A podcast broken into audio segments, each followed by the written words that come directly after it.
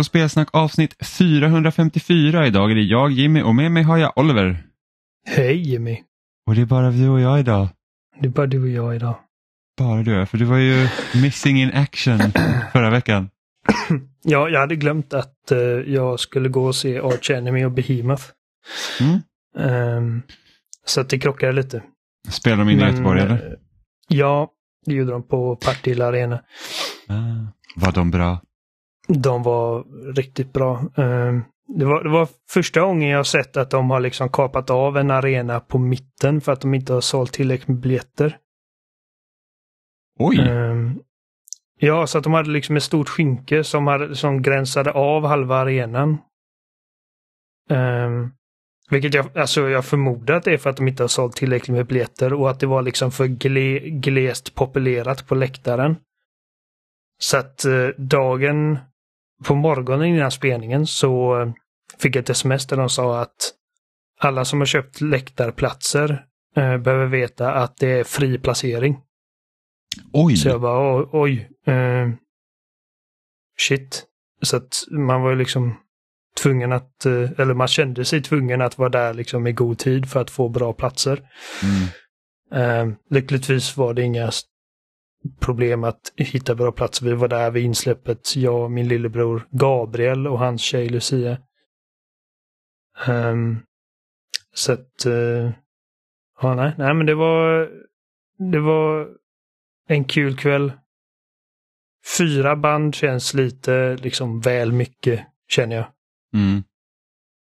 På vilket sätt liksom? Uh, är, det, är det för att det är så att... Ja, men hade, det varit, typ, hade det varit mina fyra favoritband så hade det varit en grej. Men man är ju där för att se Arch Enemy.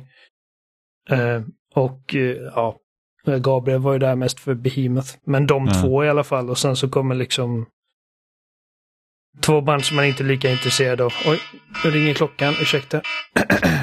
Min väckarklocka. Jag vaknade tidigare då. Um, så att det blir liksom att, och särskilt då med de här liksom jätteträiga läktarplatserna. För alltså jag, jag har så dåliga knän och så dålig rygg och dåliga axlar så att det blir svårt för mig att stå liksom. Ja. Uh, så att jag, jag tar mest läktarplats ifall det finns möjlighet. Uh, jag var på uh, festival Tons of Rock i somras med farsan och såg Opeth. Mm. Och då var man stående hela dagen och alltså det kände man efteråt. alltså det är nästan bara för det att skaffa rullator på en gång Oliver. Ja men verkligen. Kan, kan du sitta var du vill? Jag funderar på, alltså kan man, kan man gå till en liksom sjukterapeut med anledning av att jag inte liksom motionerat och rört mig de senaste 15 åren? Eh, alltså du skulle ju lätt kunna gå till eh, din läkare liksom för en, en, en liksom så årlig checkup och sen säga så här att okej okay, men jag rör inte på mig och jag skulle behöva hjälp med jag vet inte, träningsschema och kostschema kanske och då skulle ja, de kanske för kunna dirigera dig vidare till liksom en, en dietist och en, ja men kanske en, en eh, arbetsterapeut eller sjukterapeut. Menar, eller sånt. Man tänker att det borde vara så lätt som att skaffa gymkort och börja träna men jag, alltså, jag har gjort det och det blir lätt att jag skadar mig och så blir jag liksom att jag överanstränger mig.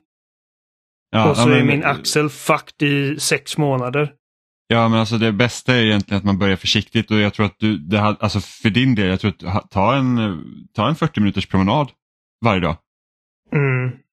Alltså bara, bara alltså för att, så här, att, att, röra sig någonting är bättre än att inte röra sig. Och kan man börja smått så är det ju bra. Liksom. Man behöver liksom inte ge järnet på en gång utan det gäller bara att, ja men okej, jag har en halvtimme nu, jag tar en promenad i den halvtimmen och sen öka och öka ju mer man orkar och sen ja. kan man liksom börja, om man då vill börja lyfta vikt eller något sånt så börjar man på lättare vikt men bara så att man liksom börjar använda musklerna egentligen. Jag får, alltså, jag menar, jag, jag är Alltså det är ett mirakel att jag inte är överviktig med tanke på hur, hur lite jag rört mig och hur liksom, för att jag, jag har inte tänkt på att äta hälsosamt liksom. Någonsin. Nej, men du kanske heller inte äter så uh, mycket? Nej, nej det gör jag i och för sig inte. Um, och jag antar att jag har bra ämnesomsättning. Men det är, ja. Alltså det, det är, jag, jag känner mig bättre nu än vad jag gjorde för två år sedan exempelvis. För att det, det är svårt att bara sitta inne när man har en, en liten. Mm.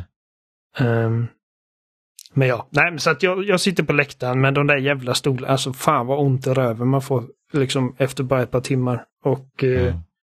Och liksom allt det där glömmer man när bandet som man vill se går upp på scenen. Men liksom band som man inte är intresserad av, man känner liksom inte till några låtarna och det, det, blir mest att man bara liksom sitter och bara och räknar minuterna. Mm. Ehm. men ja, nej men det, det, var, det var kanon. Mm. Kul med Gabriel. Ändå, alltså, Ja, för, de, för de som har lyssnat eh, på podden vet ju länge att jag och Oliver känner varandra sedan gamla Nintendo-forumet och många av våra liksom, kompisar är också därifrån. Eh, Martin och jag menar Johan, du och Johan startade i princip den här podden. Ehm, Ja, och du kom på- in i avsnitt ett som är numrerat. Så Ja, första avsnittet är avsnitt noll då kan man säga. Precis. Eh, Eh, av en ren händelse. Jag typ strong-armade mig in. Eh, Ja, eh, ja men precis. Precis för att du var så här att du bara, ah, vi borde starta en podcast. Jag bara, alltså vi spelade in första avsnittet förra vi har veckan. precis startat. Ehm, ja, nej, men liksom många, alltså många gäster som har varit med i vår podd också kommer från Nintendo-forumet. ja. Alltså Som sagt, Martin och Gustav Stefan. har varit med. Stefan som eh, har gjort eh, den här versionen av introt och typ de två tidigare. Eh, Tog över efter Robin till exempel. Så att det är Och Gabriel är en av dem också.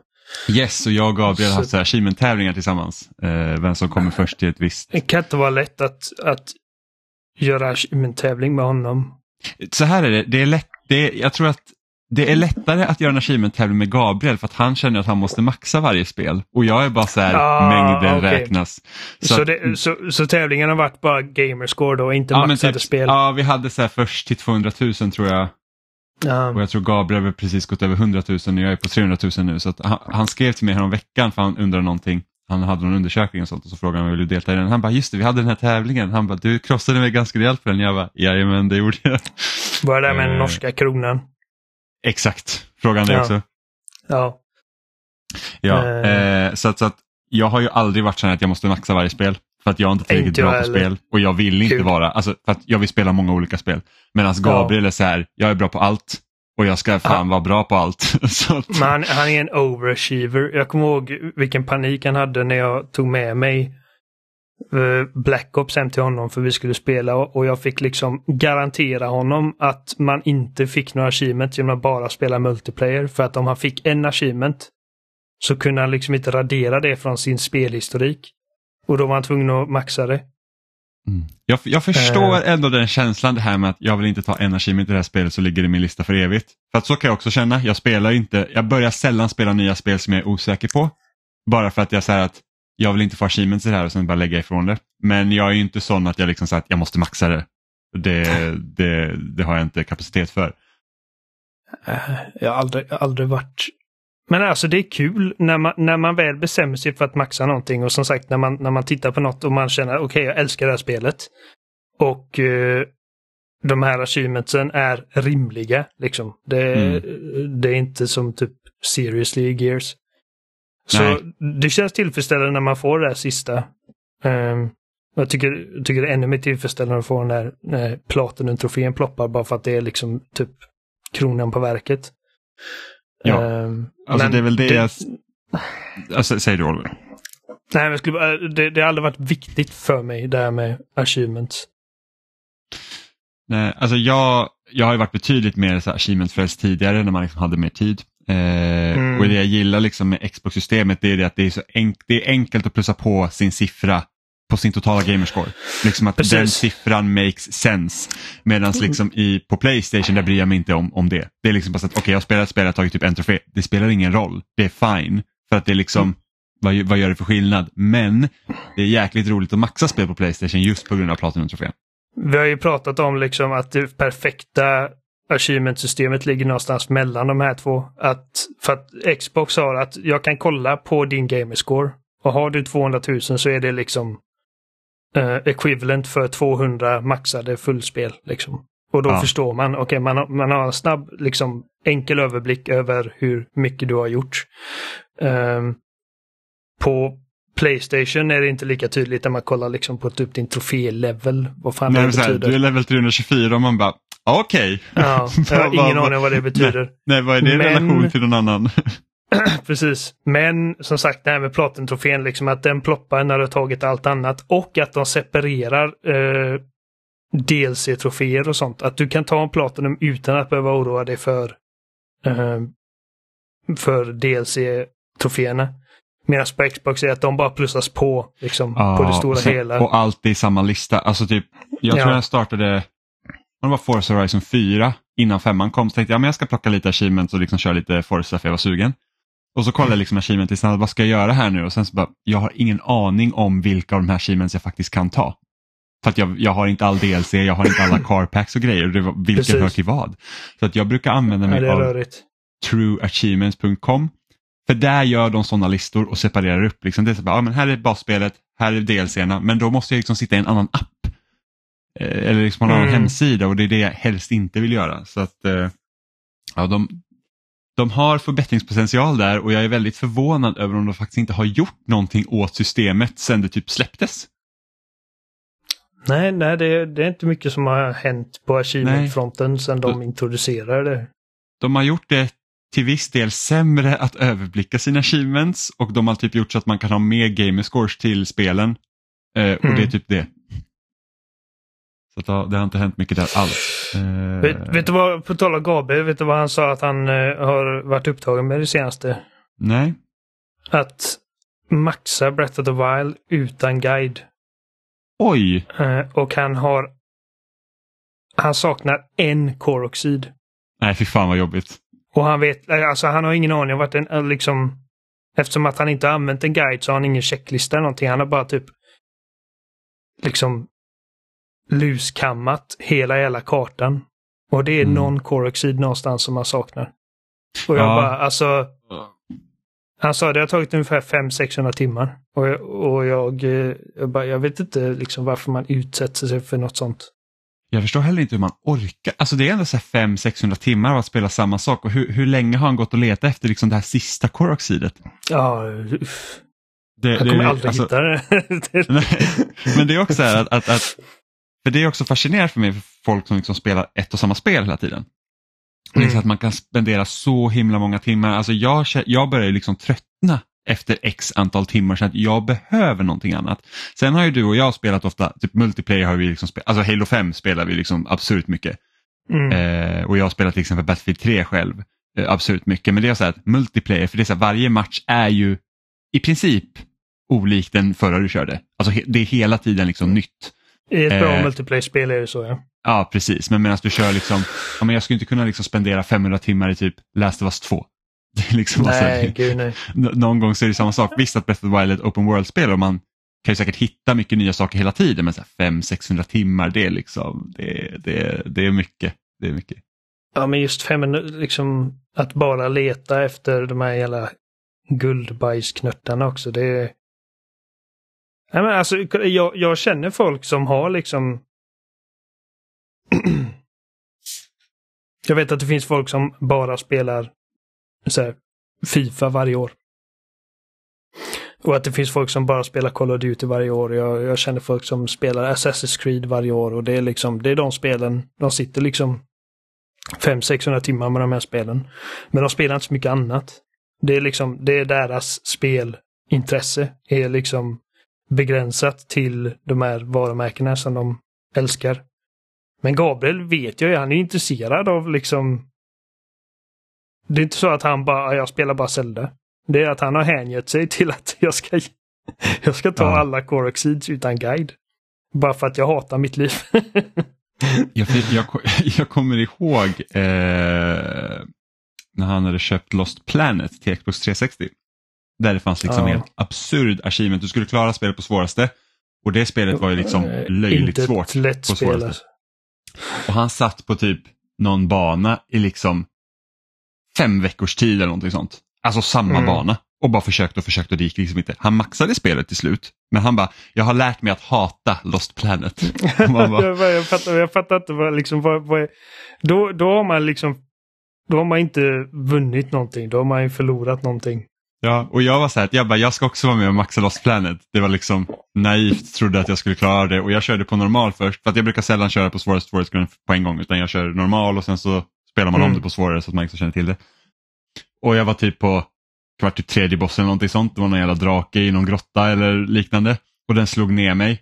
Och jag, liksom- alltså, när man blir nedputtad i, i, på marken i det spelet så måste liksom, ja, karaktären ramlar, sen måste den ställa sig upp.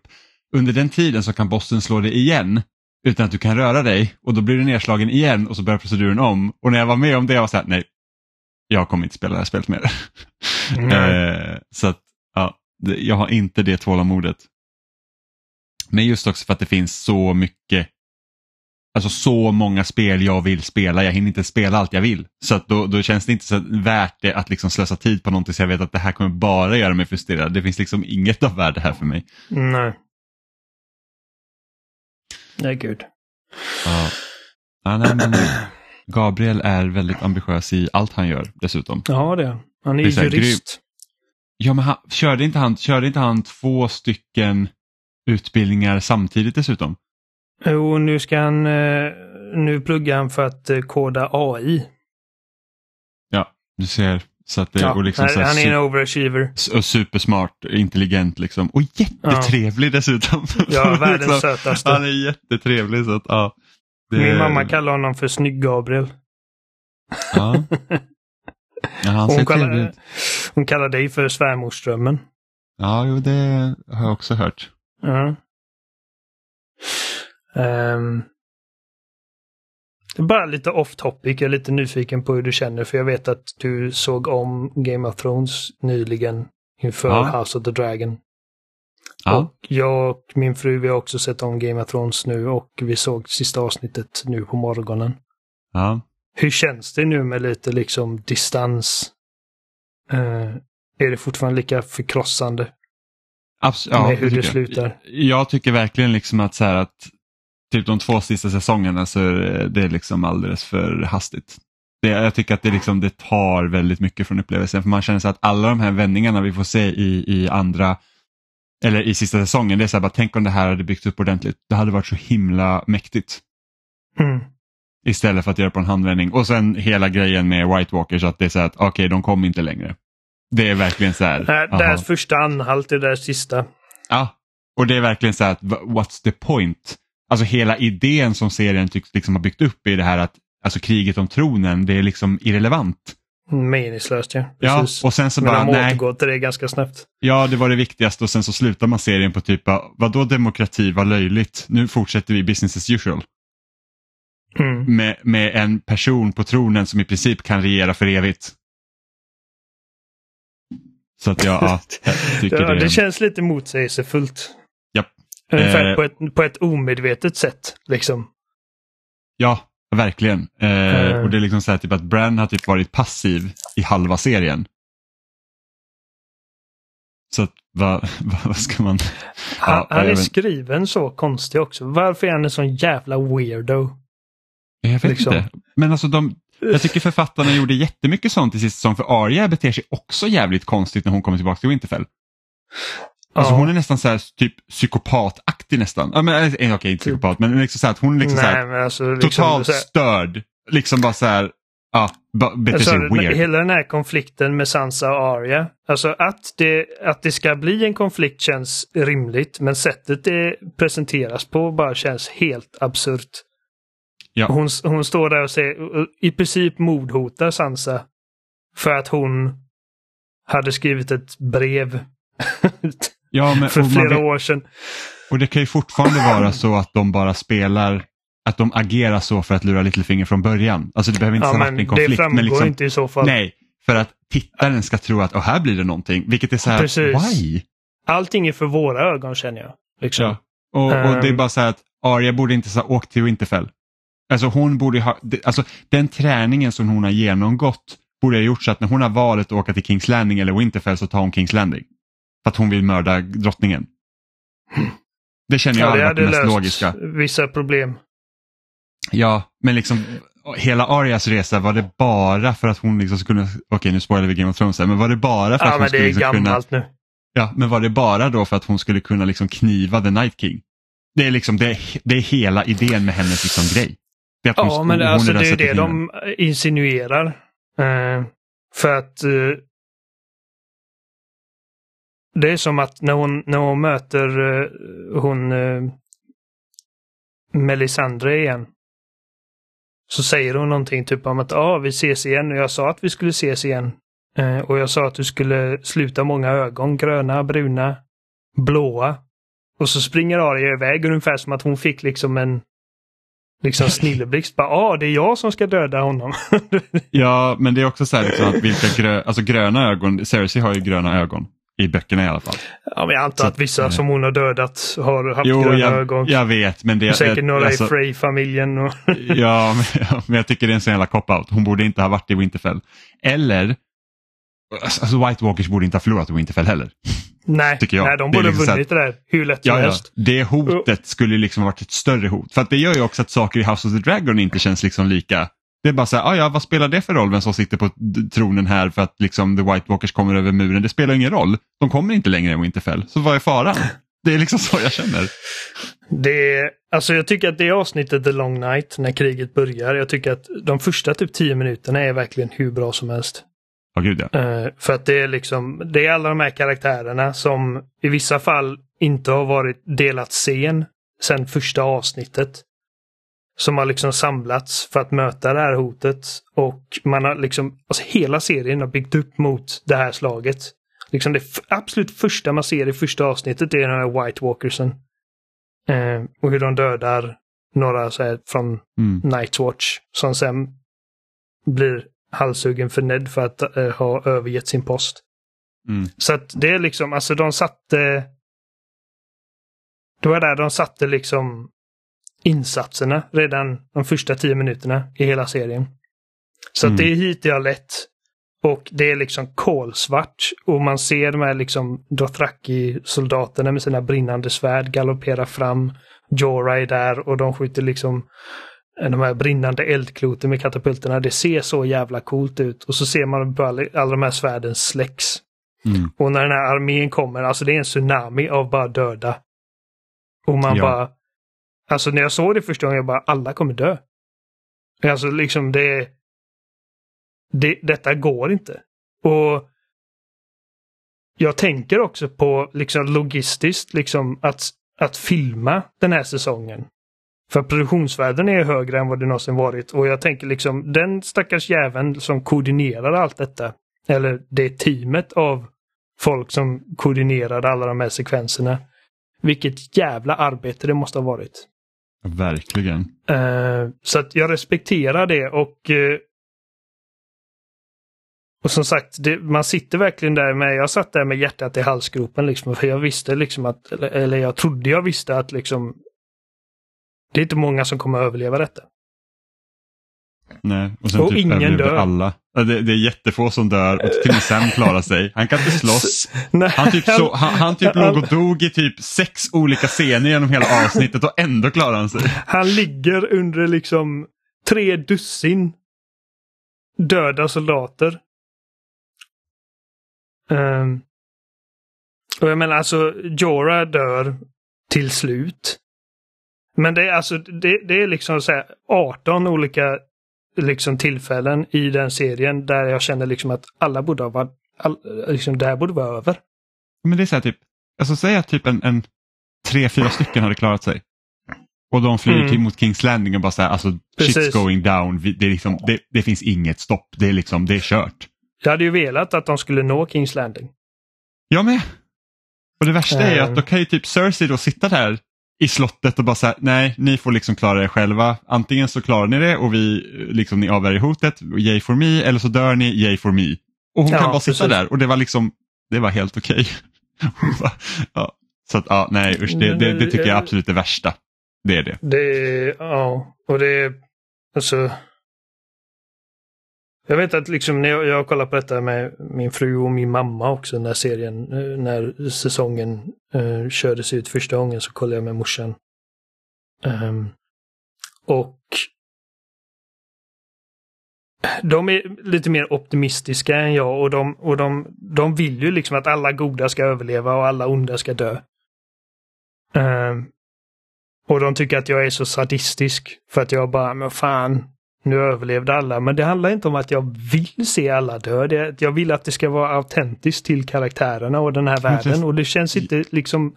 Det känns Det inte känns inte äkta liksom. Ifall de här människorna kan överleva vad som helst. Liksom. Nej. Men John hamnar typ i en, i en... Redan innan den här skiten hamnar han i liksom en frusen sjö. Han borde ha frusit ihjäl där liksom. Ja, men precis. Och, eh, och liksom, för att de, de satte också liksom insatserna men när de kapade huvudet på Sean Beans karaktär. Liksom att okej, ingen är säker. Nej, men Liksom, precis. det, är ingen som, det är ingen som är odödlig bara för att fansen gillar dem. Liksom. Nej, men de men, går, går tillbaka lite på det. men sen också tidigare i serien då var det också att varje handling fick också konsekvenser och sen släpper de det mer och mer. Mm. För typ så här, ja men Cersei spränger hela kyrkan och sen kan hon sätta sig på tronen och sen så händer ingenting mer med henne. Utan hon är, nu är hon bara drottning. Det, är liksom, det blir typ inga politiska konsekvenser för det. Vi får inte se det i alla fall. Vilket också är tråkigt. Nej, jag menar okej, hon förlorar sin sista son men det är Jo, liksom... jo, men det var ju liksom inte som att något hände henne. Utan det var bara så att okej, men Mm. han bara fuck, den här världen är grym, liksom, jag hoppar ut genom fönstret. Och sen så, Mm. Men liksom, det är inget annat, det är, det är ju en så stor händelse. Liksom. Alltså, ta att Ned blir halshuggen, det liksom sätter ju hela, liksom, ehm, hela landet i krig. Ja. Så, ja, det, Jag tycker att John. Johns karaktär förblir konsekvent, tycker jag. Eh, till skillnad från typ... Eh, jag menar, vi- pratar lite om Arya, men jag, framförallt tycker jag Bran är så jävla weird alltså. Han, han sitter liksom och säger typ att Ja, jag är inte Bran, jag är ingen Lord, jag är bara liksom där eh, Lord Weirdo nu. Och eh, jag har inga begär. I do, I do not want anymore. Och sen så sitter han där liksom och de bara, ah, ifall, ifall vi väljer dig som kung, väl, liksom, kan du tänka dig att vara kung? Han bara, varför trodde jag kom hela vägen hit?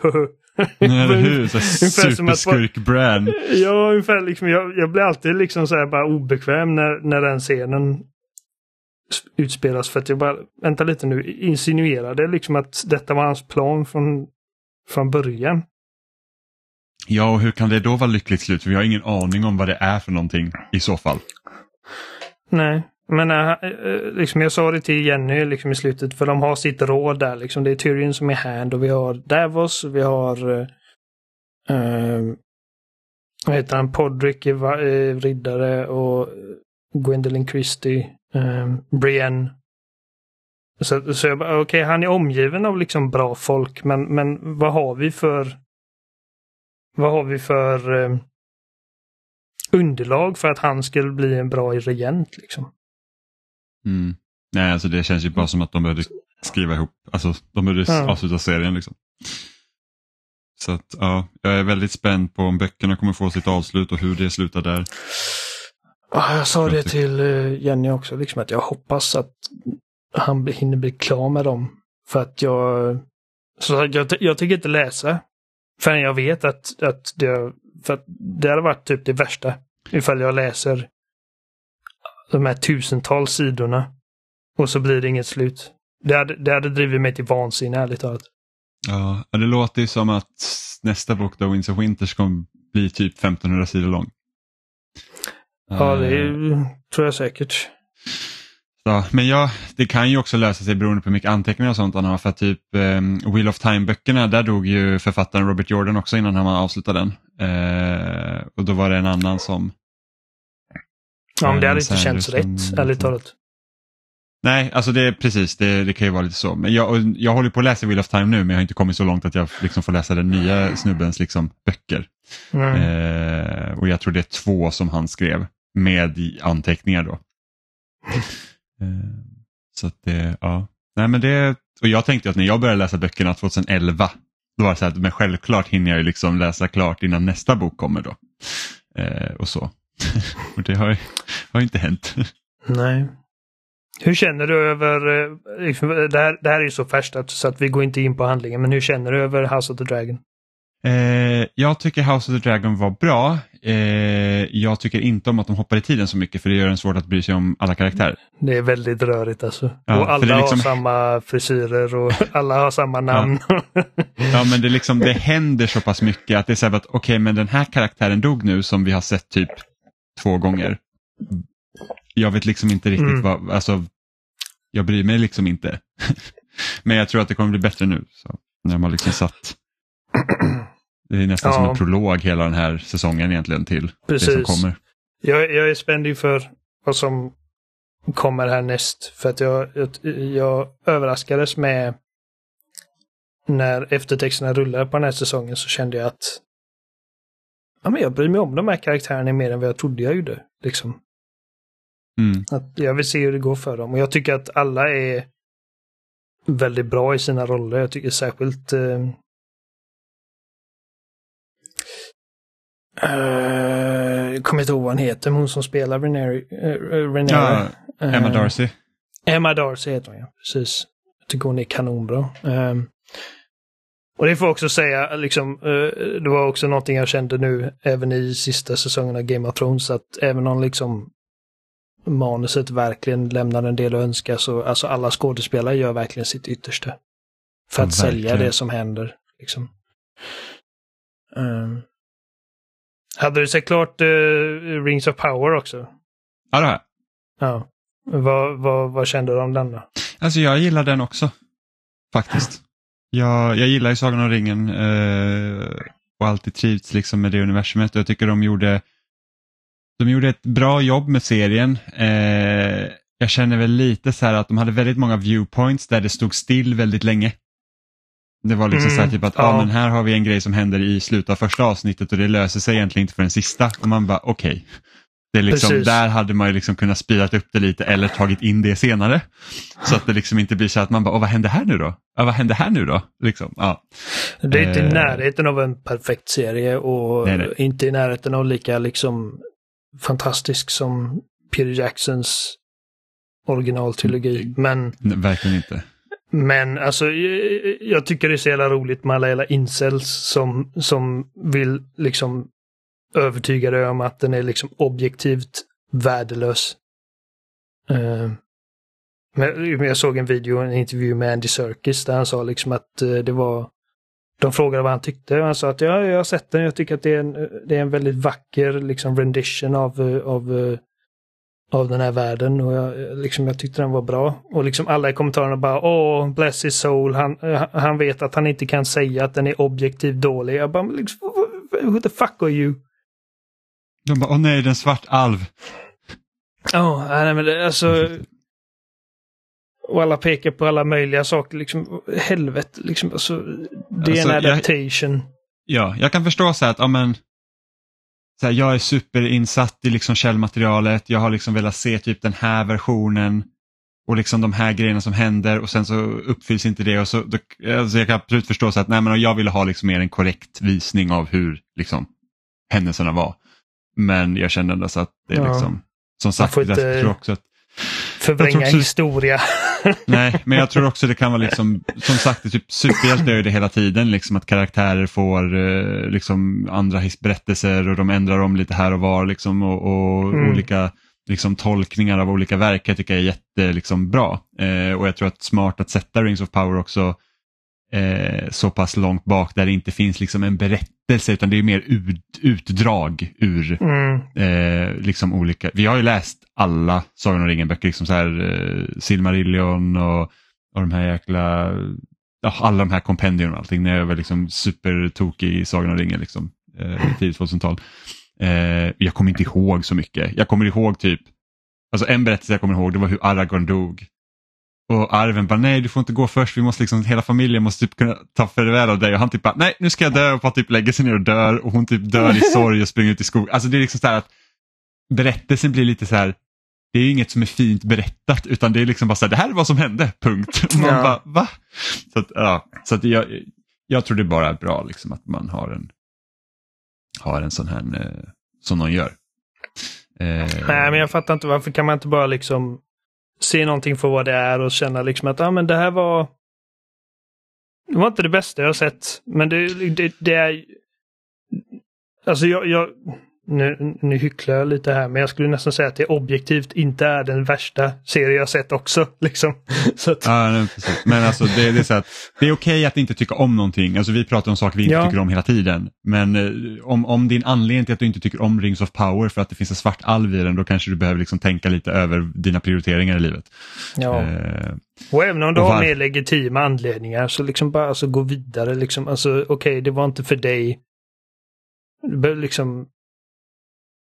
Man behöver inte vara så jävla dramatisk över det. nej. Nej, vi såg ju som sagt, vi såg Halo-serien i våras. Ja. Vet, och ju mer distans jag får till den, ju mindre tror jag jag tycker om den. Ja, nej, men alltså, det, det, jag tänker inte på den serien. Liksom, alltså, det, jag sitter inte och sur över att den inte höll sig till materialet till punkt och pricka. Liksom. Jag ställer mig Nej, men frågande till vissa beslut som togs. Och liksom... Som varför används inte temat någonstans typ? Ja, verkligen så här. Mus- musiken i Halo, hur kunde jag, de är, jag, misslyckas? är, jag är förundrad över det. Men jag Ja. skulle inte säga liksom att Åh, det är en skymf. Eh, Ja. Objektivt värdelös serie. Chilla lite. Verkligen. Ja, men så är det. Eh, En sak jag stämmer Rings of Power och det, det, det var det jag var rädd för liksom innan serien började, att alla pratar väldigt högtravande.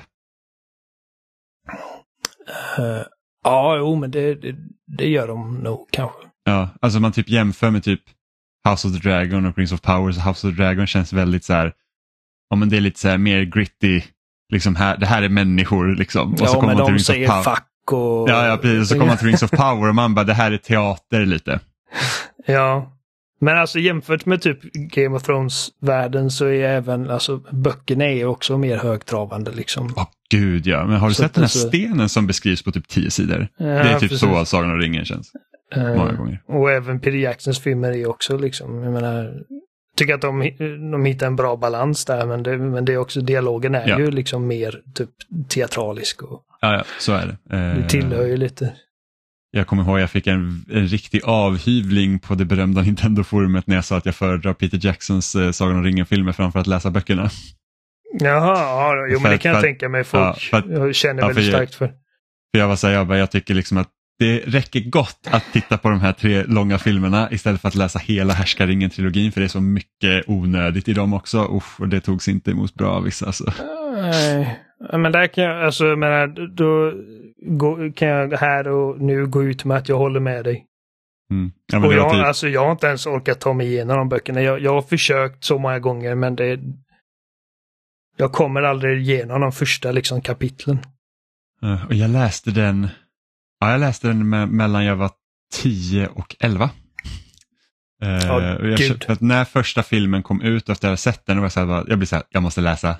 Eh, och jag Mm. gillar att läsa så att då köpte jag, det fanns en så stor bok med alla böcker i en. Så det liksom Ja. hette liksom Härskaringen-trilogin och det var en bl- med en blå pärm. Tusen... Ja, det var exakt den jag hade också.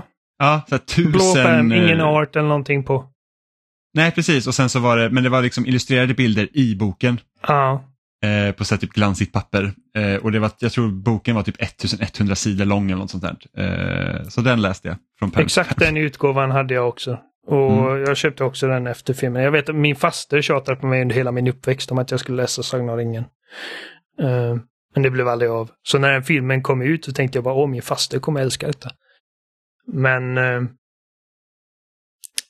nej, alltså jag menar, jag... jag och det säger ändå en del av de filmerna. Och även liksom alltså berättelsen överlag.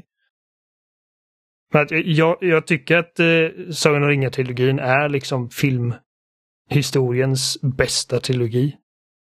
Mm. Um, jag menar, det är inte liksom, ingen av de filmerna är liksom mina favoritfilm någonsin. Men just när det kommer till liksom trilogier så finns det ingen trilogi som jag känner är lika konsekvent skitbra som den trilogin. Nej, den är verkligen Eh. superbra. Så att, eh, och då, och liksom, och jag, jag bara tål inte hur, hur de böckerna är skrivna. Och de, de skrevs ju för så jävla länge sedan också. Det är liksom, Ja, gud ja. De det, är ju väldigt eh, gamla. Ja, så att man kan inte klandra författaren direkt. Jag menar, han är en briljant. Läste du Bilbo? Eh, nej, jag gjorde aldrig det. Eh, Den är enkel att läsa alltså, och den är bra. Den har jag läst flera gånger. Ja, och det är det jag har hört också, liksom att du borde, ja, men du borde testa att läsa Bilbo istället. Men jag har aldrig varit lika intresserad av Bilbos historia som liksom eh, härskaringen-historien. Eh, Men det, det är en bra liksom, sagobok så att när William blir lite äldre så kan du kanske läsa Bilbo med honom.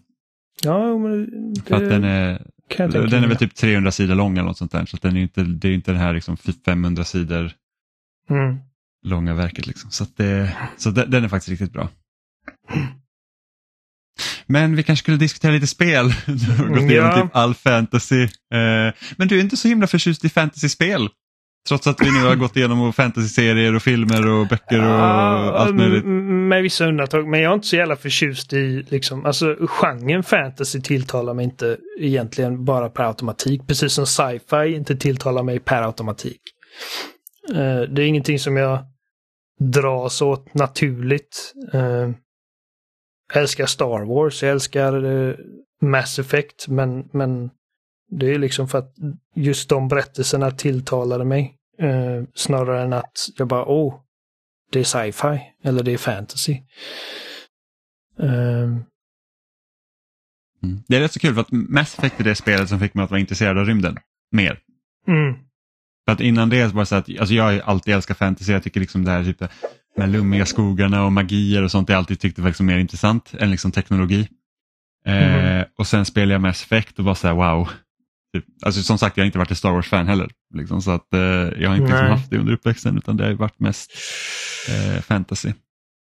nej, men, men det är som sagt, det, jag, jag är inte liksom ett superfan av fantasy eller sci-fi, utan det har ju helt att göra med innehållet. Men jag älskar The Witcher. Mm. Alltså verk, verkligen älskar. De böckerna är också bra Ja. Ehm, faktiskt. ja. Jo, men det tror jag säkert. Bara alltså jag, jag, jag har inte ro att läsa längre. Jag har börjat, jag har bör- börjat tvinga mig att läsa det för jag tyckte det var så himla roligt. Så att nu är det så att jag två gånger i veckan så åker jag tåg hem från jobbet. Mm. Eh, och då läser jag på tåget. Då är det så att okej, men det här får vara liksom min lästid. Helt enkelt. Ja, jag, hade jag haft mer liksom dödtid, det jag inte gör så mycket med, jag pendlar inte, jag jobbar hemifrån. Uh, jag har en springande unge här. Det, och när liksom min fritid liksom ligger mestadels då kvällarna när eh, när William har lagt sig och då blir det lätt att jag hellre, för att det är så jävla många tv-serier jag vill se. Och så många filmer jag vill se och så många spel jag vill spela. Så att det, det är svårt att finna ro att göra allting. Mm, ja, men så är det. Jag, jag spelar ju mestadels på liksom den fritid jag har. Nej, Så- men jag tror att det, för, för mig handlar det mest om att eh, liksom världen som porträtteras, oavsett om det är fantasy eller sci-fi, ska kännas genuin, liksom äkta och autentisk och levande och intressant. Eh, och då har vi liksom både Witcher-universumet och uh, Mass Effect-universumet har liksom väldigt rik historia och, och spännande liksom olika folkslag och, och politiska intriger och grejer. Eh, och sen också att karaktärerna som lever i universumet ska, ska liksom tilltala mig och, och kännas nyanserade och spännande. Mm. Så att det är inte så att jag liksom jag ser någonting som bara råkar vara fantasy och dras till det eller med sci-fi. Ja, men precis. Men Adam är ju sån riktig, alltså han, han är ju alltså sci-fi. Jag skulle säga att det är nu hans favoritgenre. Mm. Och han bara, du måste se Battlestar Galactica. Och jag bara, jag kommer aldrig se Battlestar Galactica. Eller Star Trek. du har säkert tipsat om The Expanse också eller? Expansion. Och han, Ja. han fick mig att... Jag kollade kanske fyra, fem avsnitt innan jag bara fick liksom kasta in handduken och säga att det här liksom, alltså det... Det här säger mig ingenting. Liksom. Alltså det, just, och han bara åh det är så jävla coola rymdsekvenser och grejer. Jag bara, men det... Det tilltalar mig inte. Liksom ifall jag inte Mm. bryr mig om någon av karaktärerna och det gör jag verkligen inte. Och jag har hört att den verkligen blir betydligt bättre efter första säsongen. Och det tror jag säkert. Men, men jag känner också liksom, jag är inte den som och de första 12 timmarna av ett JRPG är tråkiga, sen blir det bra. Liksom, då får det fan vara. Alltså, jag, jag har inte tid för sånt. Ja, nej, men precis. Um, men med lite tanke på ny teknologi så utannonserade Sony i veckan att eh, Playstation VR 2 kommer eh, 23 februari Mm. nästa år eh, och kommer kosta vad är det, 549 dollar. Yes, vilket kommer översättas till... Jag menar alltså Adam som jobbar på, eh, på Elgiganten. eh, han sa att räkna med 7000 i Sverige. Oj, yeah, så 6 69,99. Ja. Ja, fy fan, det är mycket pengar alltså. eh, men förhoppningsvis så ligger det under 7000 men, men liksom han sa att det, det är där, det är där jag, jag, jag liksom antici- anticipate eh, Mm. Ja, jag tänkte 6 och att vi 5. hamnar. Ja, för det, det blir ju inte en direkt liksom, okej 550 dollar, det blir inte 5500 för oss. Nej, eh, absolut inte. Och sen har vi kemikalieskatt och sånt också. Mm. Så att, eh, ja alltså, eh, jag, jag, jag hade ju hoppats på en billigare eh, en billigare produkt. Även om jag, liksom om man kollar på, på eh, spexen på själva enheten eh, och jämför den med likvärdiga produkter på marknaden så är det inte en sinnessjuk prislapp. Nej. Men, och, jag, och det här var också en grej som jag diskuterade med Adam när de utannonserade PSVR och spexen och jag sa att den här ser väldigt dyr ut och han sa att Uh, och nu kastar jag honom bus under bussen här. Uh, men han sa att det finns inte en chans att uh, de säljer den för lika mycket som, eller mer som det kostar att köpa en PS5. Det är liksom finansiellt självmord. Ja, för det, det, det är det jag lite undrar över. Vem, liksom, vem är tanken att de ska sätta och vem ska köpa den här tänker jag. För det är liksom inte för Mm. gemene man eftersom den är så pass dyr.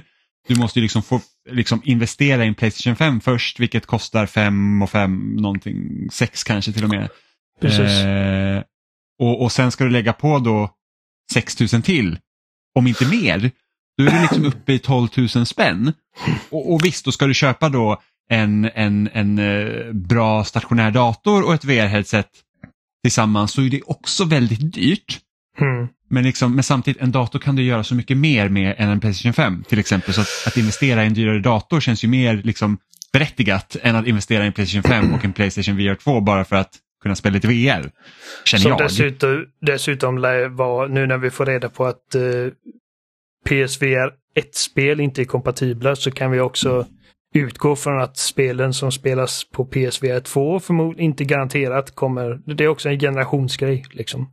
Om du köper en Oculus så, så kommer inte PC-spelen du köper till den vara liksom låsas bort från dig för att du har ett äldre eh, headset. Precis, Eh. och det gör ju liksom egentligen prislappen ännu mer liksom, vad ska man säga, smärtsam. För att då är det så här att okej, men du måste verkligen börja om från noll igen och dessutom punga ut jävligt mycket pengar helt plötsligt. Eh, För hans- för du lär hans, säkert inte få eh, med något spel heller.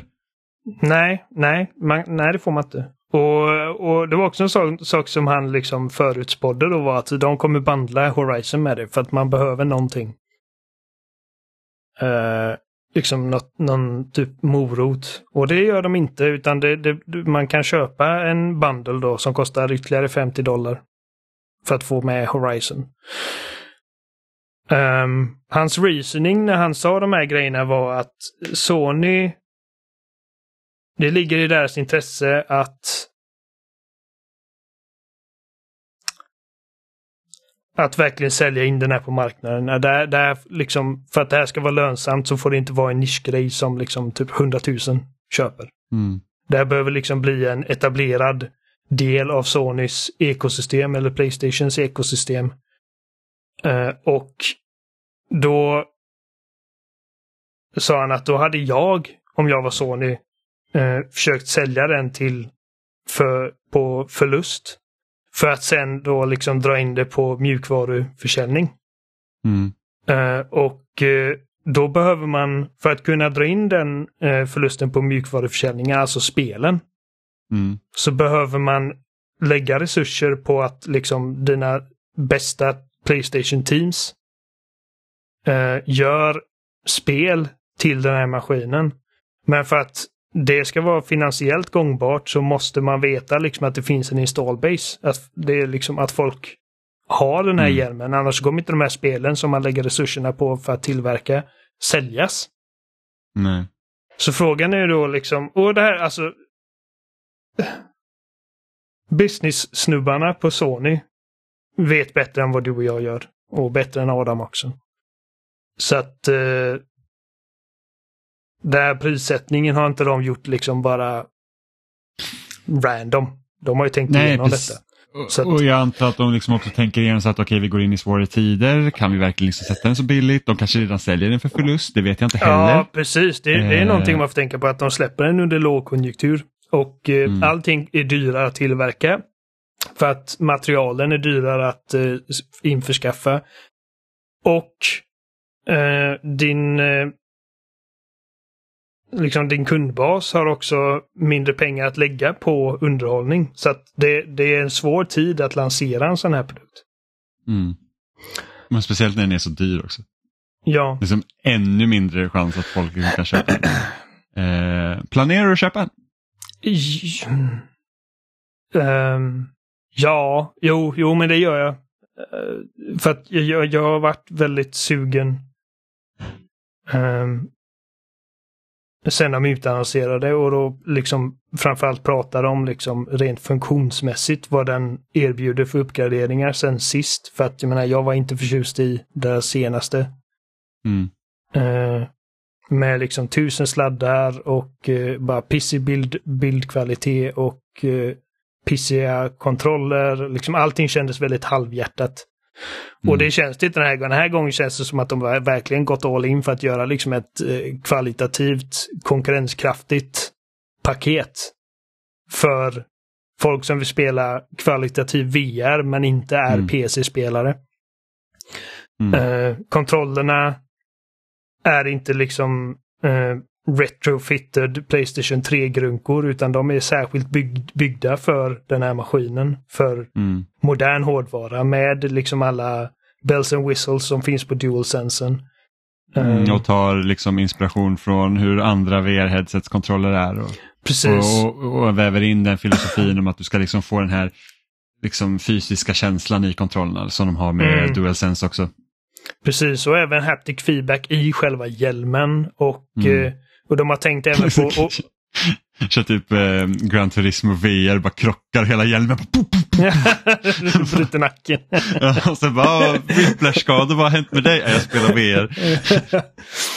Nej, men, och, och för mig är det alltså absolut största grejen är liksom användarvänligheten. Att det är okej, den är inte trådlös, men det är bara en sladd den här gången Mm. som går direkt in i USB-uttaget och inte liksom in i en dongel som sen har 16 olika sladdar till sig. Ja, och Eh, det sjukaste med, med originalet, alltså Playstation VR, det var ju det att du hade de här massiva liksom, olika sladdarna men du kunde liksom inte använda samma HDMI-kabel du fick med Playstation 4 Pro till ditt VR-headset för att de var inte kompatibla med varandra så du behövde använda en äldre sladd. Ja, det, var liksom, Mm. det, kändes så, det kändes som att två olika produktteam har suttit på varsin sida om företaget och liksom utvecklat dem parallellt men inte med Ja. varandra. Precis, så att, det, så att det var ju liksom de, de gjorde liksom något typ eh, provisoriskt liksom. Vi testar och ser hur det går. Eh, men den här gången känns det verkligen genomtänkt och också en sån grej som att du när som helst kan använda kamerorna som är på headsetet för att se i din omgivning. eh, Mm. Utan att ta av hjälmen. Alla sådana här grejer, liksom, det, det verkligen känns som att de har tänkt på allting för att det ska vara en så användarvänlig och bekväm upplevelse som möjligt. Och folk som har liksom testat den har väldigt positiva grejer att säga. Den känns inte för tung, den är inte obekväm. Um, eye-tracking. ehm, smarta lösningar liksom på ett tekniskt plan. Så att Mm. jag tror verkligen på produkten. Eh, Mm. baserat på den information vi sitter med. och jag kommer förmodligen uh, köpa en på release. Uh, även om jag liksom Adam lyckades övertyga mig om att den kommer vara billigare än jag trodde att den skulle vara. Um, Ja, nej. Ja. Jag, alltså jag ser fram emot att spela Resident Evil eh, 8 i VR. Jag ser fram emot att testa Horizon. Mm. Um, ja, jag håller sen, tummarna för att de ska få en version av Half-Life Alyx. Det, och, det är ju den förhoppningen du, jag sitter med. Det är liksom så att jag vill verkligen spela det spelet. Du och resten av världen. Ja. Uh, för att om det, och det har jag sagt flera gånger, att om det finns en killer app för VR så är det Half-Life Alyx. Mm. Och eh, jag är helt övertygad om att Sony har varit i kontakt med Valve och pratat om det. Det snackas, det var någon insider, eller så någon som påstår sig vara en ja, insider. Men insiders kan man verkligen ta med en nypa salt, vem som helst kan vara insider. Ja, precis. Kommer de med men... något jävla bullshit. någon som påstod sig ha information som säger att Valve eh, inte tänker göra något av det arbetet själva. Utan ja, att i så fall är det faller på Sony. Liksom att porta det. Mm. Och det hade uh, jag ju, alltså det är ingenting som egentligen hade förvånat mig för att Valve vill sälja sina egna headset och de vill hålla det gärna till Steam. Mm. Uh, och det ligger mer, jag tror det ligger mer i Sonys intresse att få Alex till VR2 än för Valve att porta över det. Ja men definitivt. Um, så att, uh, och, ja. och, det är därför jag känner att liksom hade jag varit Head of uh, Software, VR, Playstation, bla bla. Jag hade, alltså jag hade varit på den telefonen som fan. Jag hade, jag hade gjort mitt yttersta för att få Half-Life Alyx till Playstation VR2. Ja, speciellt när liksom konkurrenten inte sitter med ett eget VR-headset. Exakt. Så. Det betyder liksom att det liksom den, Playstation 5 hade i så fall varit den första eller enda konsolen som kan erbjuda en ny Half-Life-upplevelse sedan 2007. Mm. Så att, eh, och jag tror att det var många som när de utannonserade priset och releasedatumet så utannonserade de också typ ett gäng spel. Um, och jag tror att det var många som hade förväntat sig att se att Half-Life Alyx också kommer men så ser det inte ut och jag tror att det är många som blir besvikna över det. Mm. Uh, ingen av de spelen som uh, togs som utannonserades intresserar mig på rak arm. Um, det kan ändå liksom att, jag, jag kommer hålla koll på recensioner och grejer ifall, och vissa av dem kanske är kanonbra men det är, liksom, det är inga särskilda varumärken eller några särskilda namn som jag känner igen. Det var liksom något uh, uh, Until Dawn-spel, precis som PSVR 1 hade. Någon sån här on-rails shooter, inte så intressant. Nej, verkligen uh, inte. City Skylines kan vara rätt coolt, liksom att ha typ en, en stad som man bygger som nästan ett litet fysiskt diorama. Mm. Men det är också det känner lite så här, det är lite gimmick-aktigt. Det är så att om man tittar in i det så ja. bara, ah, fan vad coolt det är men sen återgår man liksom till standardversionen. Precis. Så att, uh, jag vet inte. Det, det, som var så roligt med när första VR-headsetet kom, det var att jag, hade, jag, jag var ju med så att jag vill ha VR-headset, jag skiter liksom i vad det kommer för spel. Det är liksom så att jag vill testa tekniken och sen så får man liksom hitta något som man tycker om och, och, och mm. det kom ju jättemånga roliga liksom så små upplevelser till VR-headsetet. Det var liksom så här, ja men Super Hypercube vilket var liksom ett, ja men det är så ett jättefascinerande liksom pusselspel där du liksom får vrida på en kub Eh, för att det ska passa liksom i, i, ett hål i väggen som kommer liksom till eh, Så fick man liksom så här, ja, men, gå runt och titta och böja sig och se liksom så att okej okay, men hur passar den här formen. Eh, mm. Keep Talking and Nobody Explodes är ju liksom så här ett av mina favorit-VR-spel någonsin. Liksom, att en sitter liksom och desarmerar en bomb i VR medan den andra sitter med en manual bredvid. Liksom mm. papper och bara säger att okej okay, men hur ska vi göra det här? Eh, skitbra idé liksom. Eh, och sen så här, ja Beat Saber är ju skitbra eh, och så. Och det är som sagt, det finns bra liksom PSVR 1-spel som nu inte kommer kunna spelas PSVR 2, men det finns ingenting som säger att utvecklarna av typ Beat Saber inte kommer porta över det. Uh, och uh, Nej, så Beat Saber uh, kommer ju garanterat skulle jag nästan säga, men uh, andra så här gems, det, det tror jag inte. Nej, vi får se. Det enda ja. som jag vet att jag kommer spela uh, av nya spel, det är Horizon. Och sen så är det ju liksom, mm. okej okay, Resident Evil, men det äger jag redan så att jag behöver inte köpa någonting. Och jag vill, vill även testa No Man's Sky i PSVR 2. Um, mm. Ja, det är Och- rätt så häftigt faktiskt att spela No Man's Sky VR. Jag testade aldrig det eh, på förra för, för att jag hörde att det liksom inte var optimalt. Men Nej, det, det kan var- jag faktiskt var- tänka mig att det är jävligt coolt. precis. Det var inte helt optimalt men det var jävligt häftigt att hoppa in i sitt rymdskepp och dra i spakarna och sen bara åka ut i rymden. Mm. Ja, men, det ser jag fram emot. Och som sagt Resident Evil 8 i VR. Eh, Mm. det nämnde jag redan, kom jag på nu. Mm. Men eh, Jag, jag, jag har ju liksom, så här, en dröm är att vi liksom ska vara tillräckligt många som skaffar ett, ett headset så att vi kan spela Among Us i VR. Det hade jag tyckt det hade varit asroligt. Men det Men kommer det är inte hända. nu, nej, det är så här, då måste Robin köpa en. Eh, Adam köper väl en antar jag. Martin, Filip, liksom, kan vi få med alla dem på tåget? Jag hade ju egentligen planen från början var att jag och Amanda ska köpa ett varsitt headset. Liksom så Mm. att vi har ett varsitt. Eh, men det är så dyrt nu så att det, det gick i sank. Så att Amanda bara nej, vi köper bara ett och så delar vi på det. Och jag bara, men kan vi? Nej, så jag får väl ge mig det tänker jag. Och Adam är inte Eh. säker på om man kommer köpa en på release nu heller. Nej, men samtidigt så Eh. här, Among us VR kommer ju finnas liksom Ja, efter det precis. också. Så att, eh, men, men någon gång. Problemet man med sett- Among us är att det är ett spel som man behöver vara en stor grupp. Liksom. Det, Ja. alltså det, det alltså, funkar man inte om måste man ju bara är nästan tre eller vara fyra. sju liksom. Ja. Och det, det är Eh. många headsets. Liksom. Ja, men precis. Det är liksom, vi snackar nästan hundratusen delat över på oss nästan. Så Det, det är som liksom, har, det största anledningen till att det har funkat att få ihop grupper det är liksom att det är väldigt billigt och det går att spela på din telefon och din switch Ja. och din Xbox. Så att liksom eh, min eh, Johans eh, Johans sambo, hon har ju hon har spelat på telefonen när hon har spelat med oss. Eh, Stefan har också spelat på telefonen ibland. Eh, jag, gör, jag och Amanda körde också på telefonen. Eller nej, Ja. vi bytte till Switch sen i och för sig. Ja. Eh, men liksom det- det... spelet i VR, alltså det ser ju helt, alltså det är så här, gud vad obehagligt. Kan man liksom inte ha någon överblicksvy och så står de bara där bakom ryggen och bara säger hej hej. det ser väldigt roligt Nej. ut. Väldigt. Så att det, ja. Men det, ja, men jag var ändå förvånad över att det var så pass dyrt. Eh, att det är dyrare än en Playstation 5 också. För att Playstation 5 är redan rätt så dyr. Mm.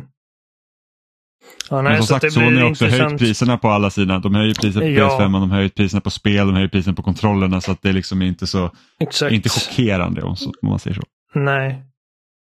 Nej, vi får se liksom hur det går. Om vi kollar typ om fem år och se hur det har gått för PSVR 2.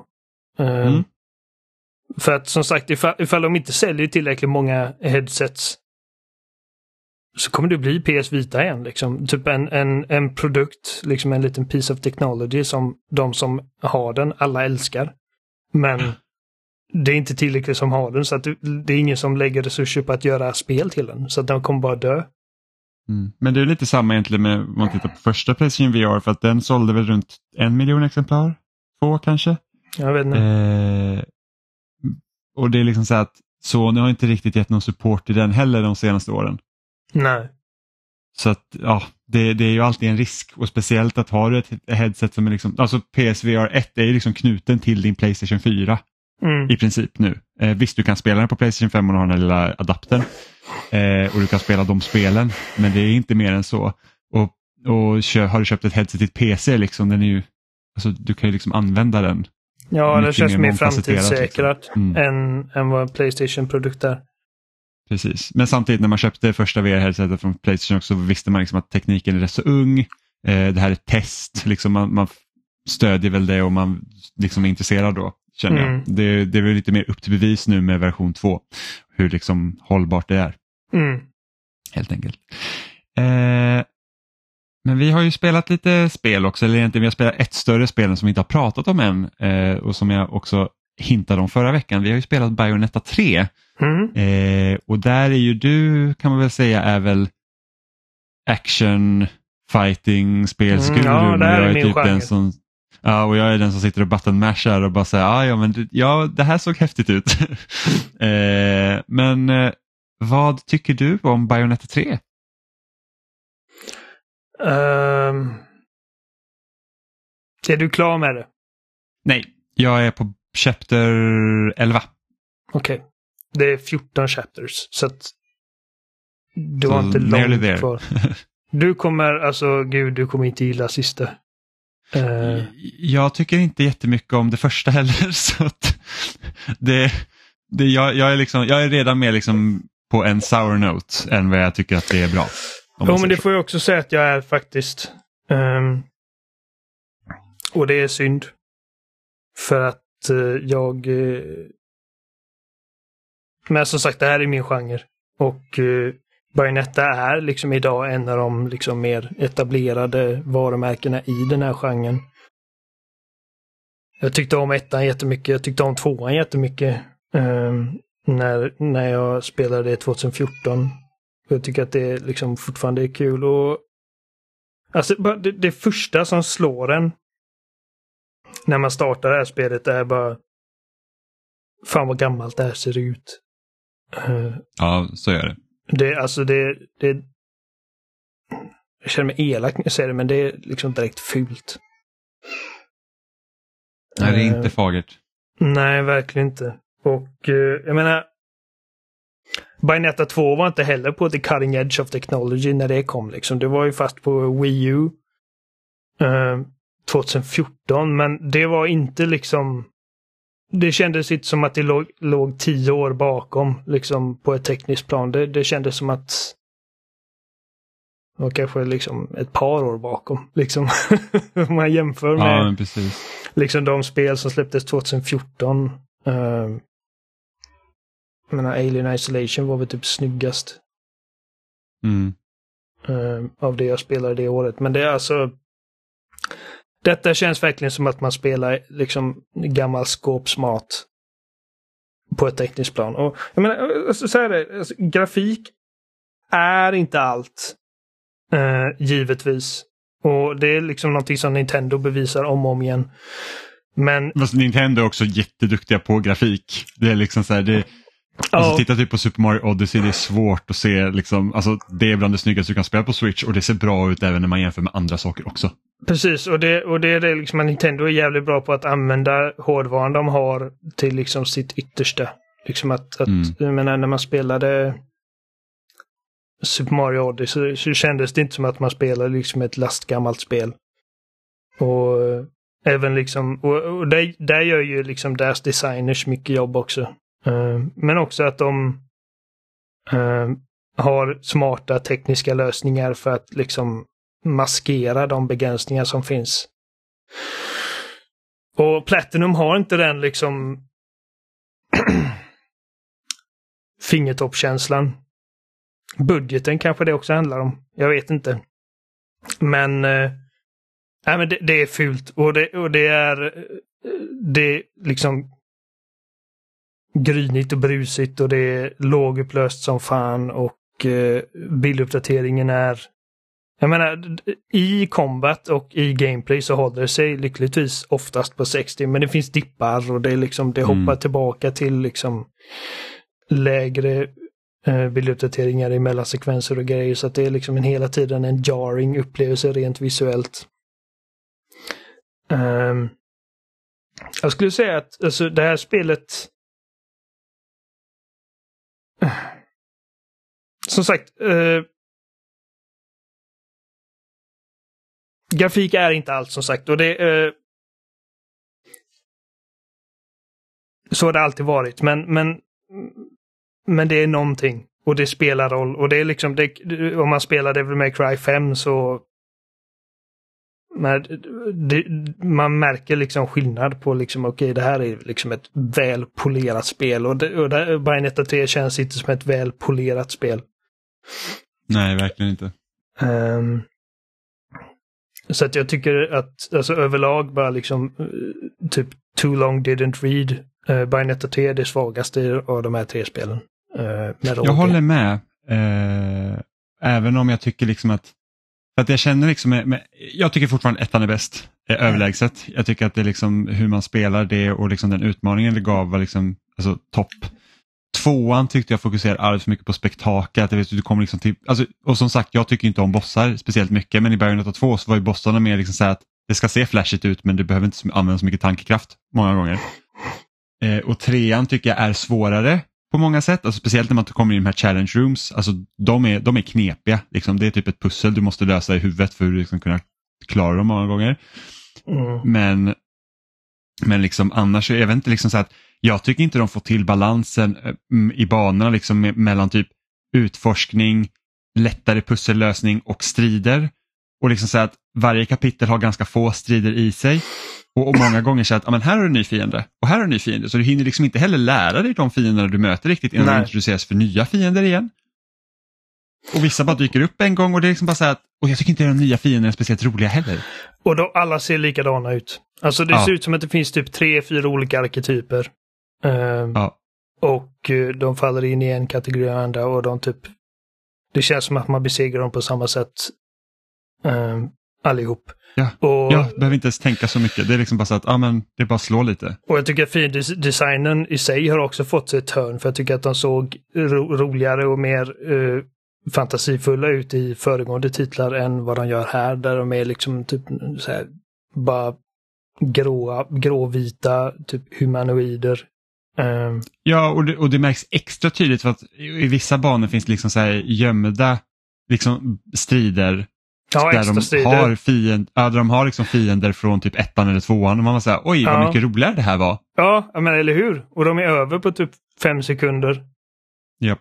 Ehm, och, jag, och det är någonting som du sa också, för att det är en grej som det här spelet har introducerat är liksom väldigt stora banor, vidöppna banor med mycket liksom Mm. collectibles att hitta. Ingenting av det är särskilt roligt. Det är liksom alltså det Nej, roligaste det- det är man kan här- hitta är typ extra hjärtan och sånt som fyller på din livmätare. Ja, för det blir lite så här, but why? Alltså Mm. varför har ni gjort det så här? För att ni har liksom inte, eller det känns som att de kanske haft en idé till att göra kanske ett mer open world Bayonetta-ish-aktigt, eller okej, inte helt open world, men liksom så att det är lite större banor och sånt, men det är Mm. liksom inte, det är inte fyllt med mer strider. Nej. Och, och de sakerna du hittar är så Det att, innehåller hitta ingenting. Typ ett, nej.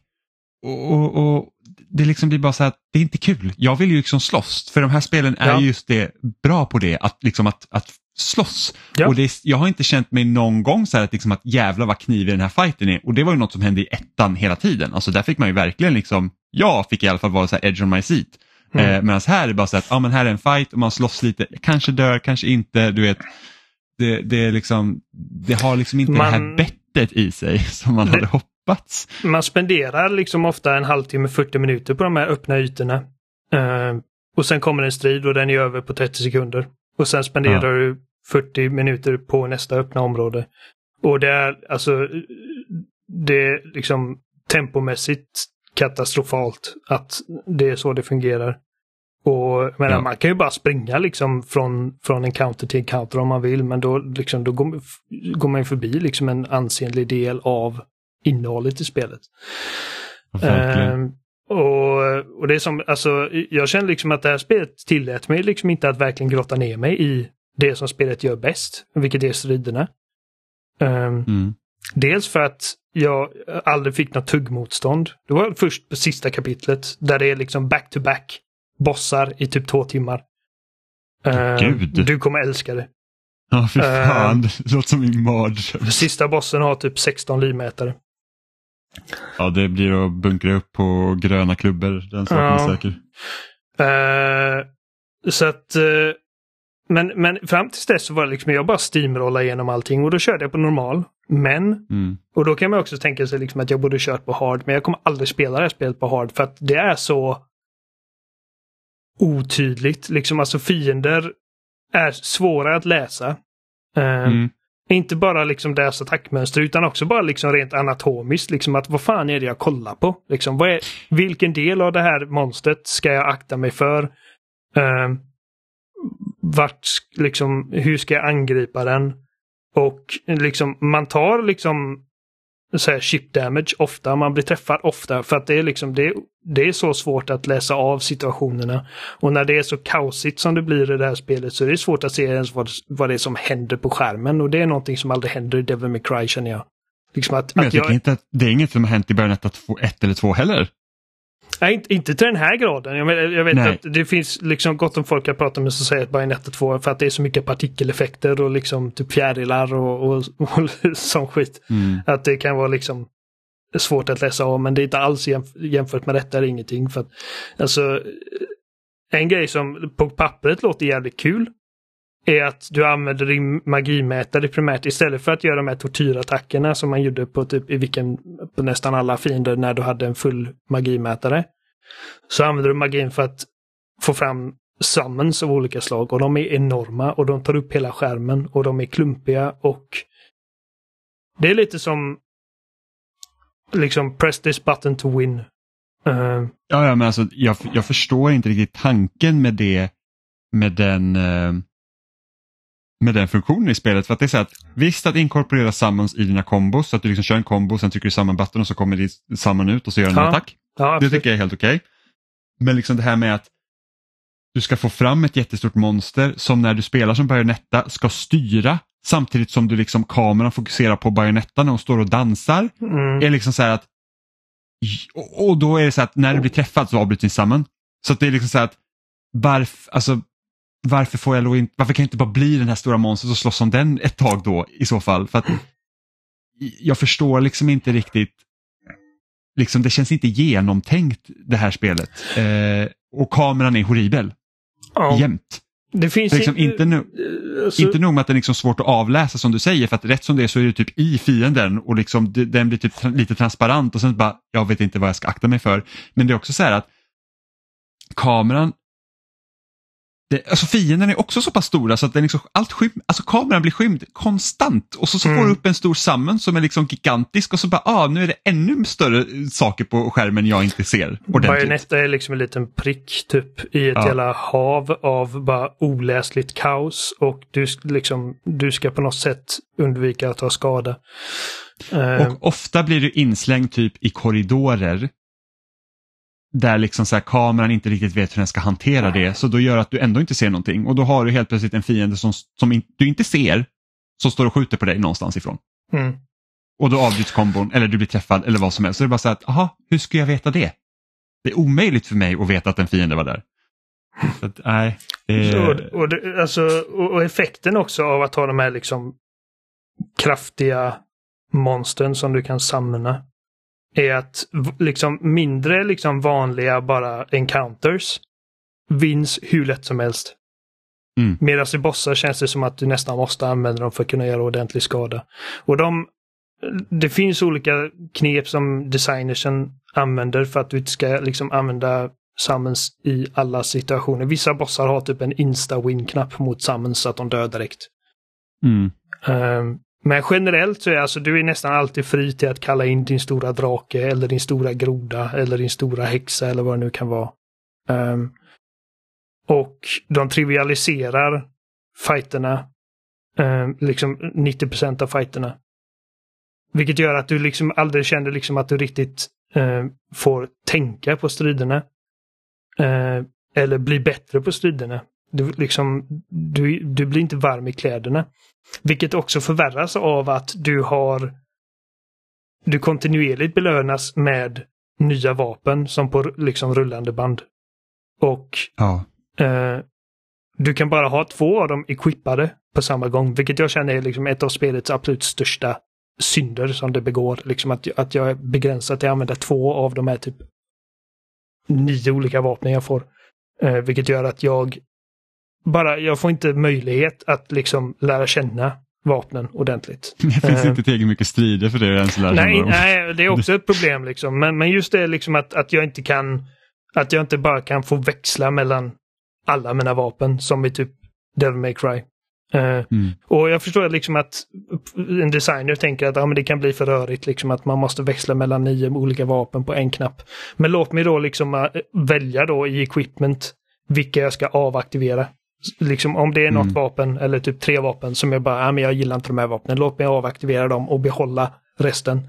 Så att jag kan liksom inkorporera de här olika vapnen som ni har designat. Och de är liksom bara liksom visuellt liksom roliga vapen. Eh, unika Mm. vapen. Men jag känner att ingen av dem får liksom chansen att eh, skina.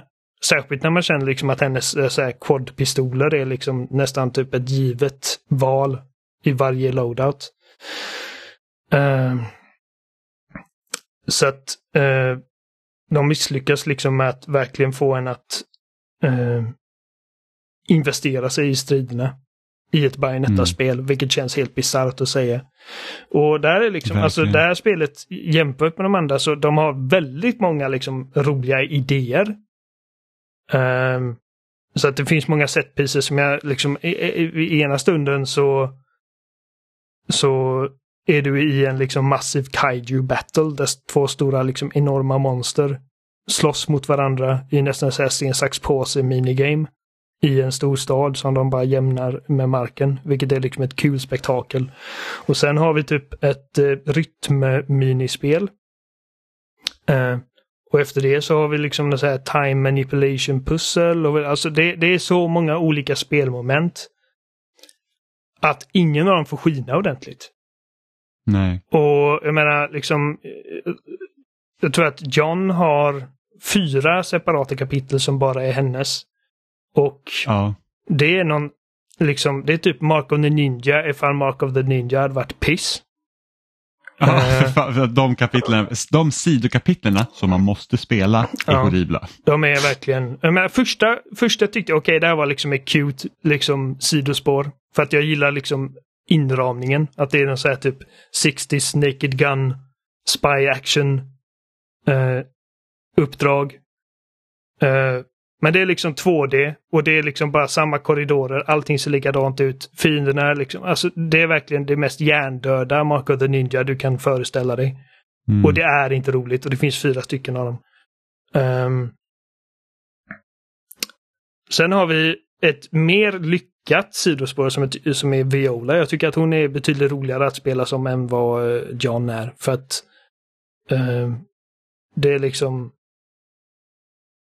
det är tänkt upp, alltså Nero vs Dante. Eller Bayonetta Viola. Liksom att de har båda slåss och de, eh, och de har liksom sina kombos och och witch time och grejer men de har olika vapen och olika summons och, och jag tycker att Viola har ett tillräckligt roligt moveset för att det liksom ska kännas som att ja, det är inte är helt bortslösat i alla fall. Ja, alltså Eh. jag gillar också sättet som Viola slåss på. Jag får inte till hennes witch time. Nej, det, och det, det är svårt. Alltså, det, det, ja, alltså det är liksom- kräver en för omställning alltså. Ja, för att Bayonetta hon dodgar för att sätta igång sin witch time, så dodgar du liksom i, i ett senare skede, då sätts det igång slow motion. Viola blockar och hon blockar inte på samma knapp som eh, Bayonetta dodgar, så redan där måste man bara säga what the fuck. Nej, Viola Eh, kan ju dodga men- precis som varje detta fast det hon kan dodga ja, men ingenting. det Eh, händer ingenting. Eh, Hon, egentligen, jag tycker att hon typ bara haft blocken där. Men det är det också det att du måste vara alltså så perfekt som möjligt ta emot den här attacken med din block för att få ut någonting av din witch time. Mm. För att gör du det för tidigt så blir det ingenting, givetvis, men du tar inte skada direkt heller. Men gör du liksom Gör du lite senare men inte tillräckligt sent, då kanske du har witch time i typ en sekund. Ja, Det precis. så här, Det och, måste och det tog så lång tid innan jag förstod vad som var fel. För jag var så här, varför får jag inte witch time? Mm. Jag, jag triggar igång den men det är liksom, den är över på en gång. Eh, och, och Lägg då där till att det är så svårt att läsa fiender i det här spelet. Ja, det är Så skitsvårt. När ska du blocka? Det är liksom så att den, den lilla liksom skillnaden på när, när du får en bra block och inte, det är liksom det är omöjligt att veta typ. Så sitter och spelar samtidigt med Gustav bättre, och han är typ helt, ja hennes samman är bra, men han är liksom helt så han bara jag kan inte spela Viola. Alltså det Mm. funkar inte för honom. Nej, det är en omställning. Eh, men som sagt, hennes samman är bättre för att den, då tar du inte kontroll över den utan du bara kallar in den och du är fortfarande fri till att röra dig in, liksom fritt. Som Viola. Mm. Eh, vilket gör att det blir liksom lite roligare kombos och grejer. Eh, Jag hade önskat att det var så för Bayonetta också. ja, jo, jag med, jag med. Och äh, ärligt talat, jag känner liksom att hela Summer-grejen hade jag nästan kunnat leva utan. Alltså, för att, eh, och att det kunde vara liksom till mer specifika ögonblick. Ja, samma här för att det till stor del av problematiken i striderna ligger liksom i summons. Liksom kameran, läsbarheten, för det är så många stora fiender då som gör att dina summons ska ta hand om oss. Att, ja, Det är en Det- kul liksom- idé, liksom. Eh, när jag hörde Jo. om det, liksom, jag bara, "Ja, men det låter, låter roligt. Eh, men jag trodde inte liksom att jag skulle, för att magin dräneras så jävla långsamt att man kan liksom ha en summon aktiv under en hel fight utan problem. Eh, mm, Och- bara du inte blir träffad liksom. ja. Men ofta så är det liksom att när du, när du håller på och mörsar på på typ två stackars minifiender med en enorm drake, de, de får inte chansen att komma nära det oftast. Så att, alltså du verkligen steamrollar över dem och man kan ha den aktiv väldigt länge. Eh, Mm. och magin liksom laddas upp väldigt snabbt. Även när man har dränerat den. Eh, Ja, vilket, och, och när du kör Viola kan röra dig runt så att när du slår på fienden samtidigt som din summon så laddar du även upp magin samtidigt. Ja. Ehm. ja, nej men precis. Och sen också där liksom med, det, med alla de här öppna områdena, att man bara liksom springer över dem. Spelet har inte tillräckligt roliga liksom traversal mechanics för att göra liksom bara att röra sig över de här öppna områdena roliga. Nej. Ehm, du har olika liksom så här att du, du liksom dubbelklickar på dodge-knappen så förvandlar du sig, dig till någon form av varelse som rör sig snabbare än Bajonettas vanliga springhastighet. Så Mm. att du kan liksom, det finns olika alternativ för att röra dig snabbare. Och vissa av dem är liksom på ett designmässigt plan liksom bara alltså roliga. Liksom att en är typ en spindel, en är ett ånglok. Ehm, Mm. Eh, Så det är liksom lite påhittighet där. Men i övrigt så är det liksom bara att det är bara liksom en sprintknapp. Mm. Ehm. Men så, alltså de, jag vet en grej som har liksom uppmärksammats av eh, många recensioner jag har sett eh, som en väldigt positiv grej är liksom att de likt ett Mario-spel verkligen slänger nya idéer på det hela tiden för att hålla liksom konceptet fräscht och överge dem lika snabbt som de kommer in. Mm. Som är i en sektion så är du liksom en stor spindel som klättrar på väggar och medan skyskrapor rasar runt omkring dig. I en annan kör du motorcykel och i en annan så rider du på den här stora draken och surfar typ längs en flod och liksom alltså det finns så många olika spelmässiga moment men det gör också att som sagt det blir liksom att inget moment verkligen får, får liksom lysa och eh, dräneras på sin potential. Men också att det känns så jävla rörigt för att det är liksom spelet måste omförklara kontrollschemat för dig typ 12-15 gånger genom spelets gång. Mm. Och det händer alltid liksom mitt i gameplay liksom när du liksom när det är tänkt att okej nu, nu ska du styra den här stora liksom jättefågeln. Och här till vänster på skärmen så har du liksom okej X gör detta, B gör detta, Y gör detta och A gör detta. Och så måste du liksom testa det fram innan du vet vad fan du håller på med. Mm. Ehm, Ja, där lyckades Bayonetta 2 med det mycket bättre för där var det också ganska liksom, kreativt och, och, och, och vad du fick göra ändrades ganska snabbt. Men det var ju sällan liksom bara att man var förvirrad över vad du förväntades att faktiskt göra. nej, Medan här precis. var så här, Åh, hur funkar de här grejerna? Och så, Okej, och typ den här fågeln hade ju typ tre olika grejer som var helt onödiga. De behövde du inte ens använda. Nej. Nej, så att Så, jag ja. är alltså väldigt... Eh... Jag, skulle inte säga, jag skulle inte säga att jag tycker att det är ett liksom uselt spel. Um, för att liksom striderna är liksom i bara i ett vakuum så är de fortfarande liksom kul. Det är bara att liksom de nya verktygen som de har gett en eh, arbetar mot spelet snarare än för det. Och eh, det här med de öppna områdena, liksom, det arbetar också emot spelet. Och eh, att det är liksom att man, man får whiplash över att de liksom introducerar så många olika spelmoment eh, hela tiden arbetar också emot det. Så det är liksom, det är så många idéer som i sig inte är något dåligt, men som inte liksom funkar väl tillsammans i ett liksom enhetligt paket. Mm. Och det är synd, ärligt talat, för att jag, jag gillar verkligen Bajonetta. Mm. Däremot men får jag säga att Alltså, Jennifer Haley gör ett jävligt bra jobb. Det gör de. Jag, gör de jag tänker inte alls på att det är liksom en, det är inte direkt som när Kiefer Sutherland var Snake plötsligt. Nej, verkligen inte. Um, Eh, När storyn är men jag- nonsens och jag Ja, menar alltså gud, och första ka- timmen var typ karaktärerna är så 40 jävla minuter mellansekvenser. Och typ en kvart spel. ja, nej men det, alltså, jag vet inte, de, de lyckas inte alls blanda sin slapstick-humor med typ något som de tycker ska vara emotionellt. Det är liksom bara Nej. larvigt. Ja, Jag, vet- jag, jag vet inte, liksom, det känns inte som att man har haft några ambitioner på att liksom berätta en historia här egentligen. Och det, jag vet liksom, jag har hört att ja men fan storyn i Nier Automata var bra men det var inte Platinum som gjorde den. liksom. Nej, nej precis. Och det är ju, de tidigare Bayonetta inte heller varit så speciellt. Nej, Alltså det är inte story man spelar dem för men jag tycker att det är sämre än någonsin just nu.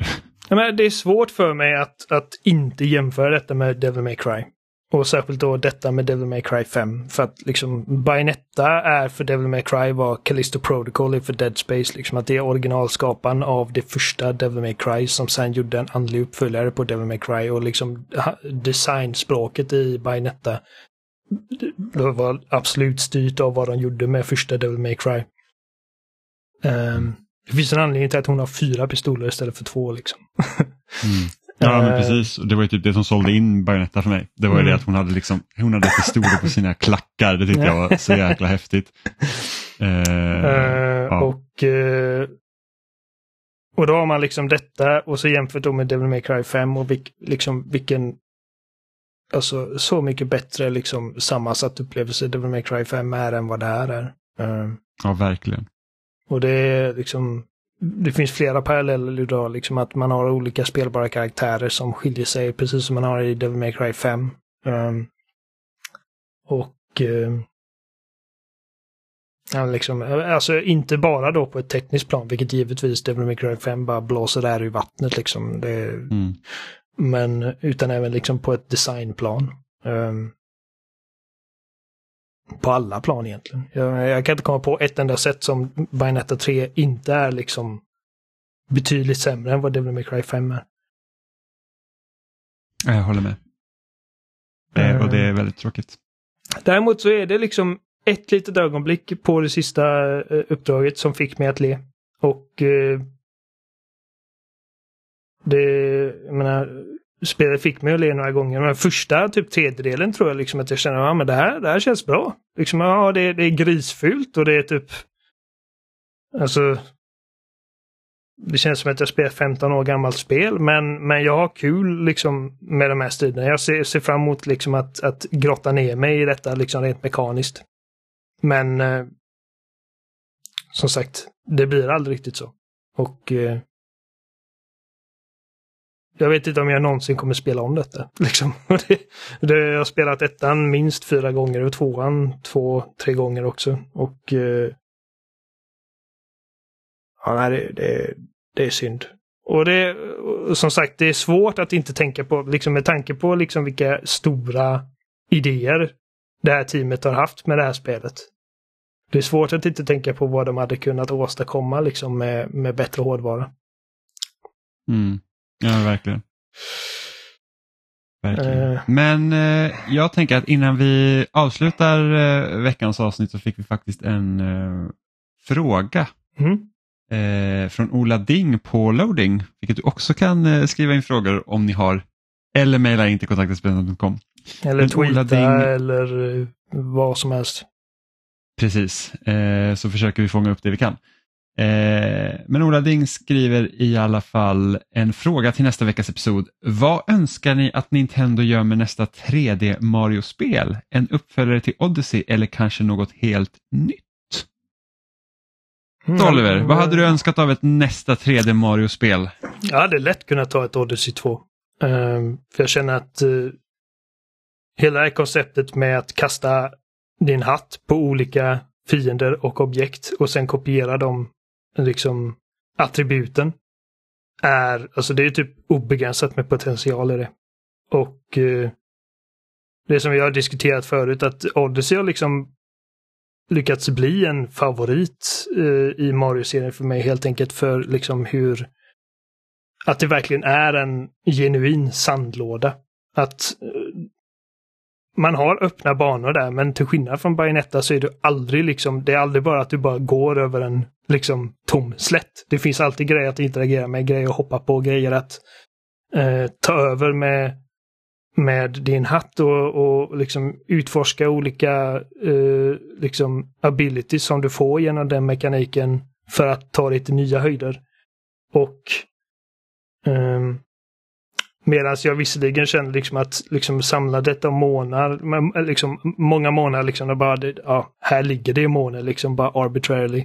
Uh, mm. Men just det att de är så många, att de är så utspridda gör att ingenting känns någonsin som bortslösad tid för att jag, liksom, jag arbetar mig alltid framåt någonting. Även när jag bara liksom springer runt på en del av kartan som jag som inte är liksom part, liksom en del av något liksom main objective så är det liksom att ah, här fick, fanns det en måne och jag känner liksom, ah, nu har jag liksom, jag har uträttat någonting. Mm. Eh, föregående så liksom eh, Mario, eh, Mario Galaxy har liksom varit mitt favoritspel i hela den genren i många år men efter att ha återgått lite till det eh, till Switch-samlingen när jag spelar Mario 64 och Sunshine och, och, Galaxy så känner jag mig faktiskt lite begränsad i Galaxy jämfört med Odyssey och eh, Odyssey, jag känner alltså det spelar inte riktigt någon roll hur mycket jag kör det liksom. Jag känner alltid att jag lyckas interagera med, med det spelets liksom mechanics och uh, banor på nya sätt. Så att det mm. Jag tar gärna ett Odyssey 2, men jag tar gärna något nytt också. Liksom det, det är den positionen som Nintendo har liksom eh, förtjänat genom alla dessa år av att hålla Mario spännande och fräsch. Um, att jag är öppen för vad som helst egentligen. Det är inte alltid det blir en fullträff liksom. Alltså, alltså Mario 3D World är liksom, ska man säga, det, det tristaste av liksom de lite större Mario-spelen. Uh, men jag hade kul med det. Alltså, inte, det var liksom inte ett legendariskt spel eller en upplevelse som jag liksom kommer uh, hålla kärt på min dödsbädd. Men, men, men det, det var kul. Liksom väldesignat och, och, och uppfinningsrikt som vanligt. Så att jag, som sagt, jag, jag är öppen för vad som helst. vad känner du? Jag är ju, det jag alltid tänker liksom när, när Nintendo släpper liksom ett, ett nytt 3D Mario, alltså liksom de här stora titlarna. Nu tänker inte jag, jag ser inte 3D World som liksom ett, ett 3D Mario i samma liksom eh, samma andetag som Galaxy eller 64 eller Sunshine eller Odyssey till exempel. Nej, nej jag, jag håller med. Eh, och, jag är med så att vad är det nästa grej de ska hitta på? För att jag, är så att jag älskade Galaxy, det är liksom ett av mina favoritspel någonsin eh, och jag var inte lika förtjust i Galaxy 2 för det känns lite så att ja, men vi gör lite samma grej igen. Mm, Medan Odyssey var så att ja, men nu är det nytt igen. Liksom. Eh, och det är väl lite mer det jag, jag, jag ser fram emot. Så att, men jag hoppas ju också att de tar liksom inspiration från vad de gjorde med Odyssey för att Marios moveset i Odyssey upp, alltså det, man kan vara så himla mycket mer kreativ än man kunde vara i Galaxy. Ja, absolut. Eh, så på det sättet håller jag med, liksom, att man är mer begränsad där men liksom sättet i Galaxy de lekte med gravitationen och liksom, det var, liksom att sätta Mario i rymden var liksom bara så här, wow vilken grej eh, och att det funkade så bra. Men jag skulle kanske vilja hitta något mellanläge mellan Odyssey och Bowsers Fury från 3D World. Eh, för det jag tyckte var, älskade verkligen med 3D Worlds, alltså Bowsers Fury, det var ju det att man hittar något sätt att okej okay, men här har du liksom en helt öppen karta. Och så har man liksom satt in liksom plattformsutmaningar på den här kartan. Så du fick nästan liksom Mario Open World eh, på ett sätt jag tror att de ska kunna göra det väldigt intressant. Och visst att du har ju också banor, liksom, de är ju öppna i Odyssey också.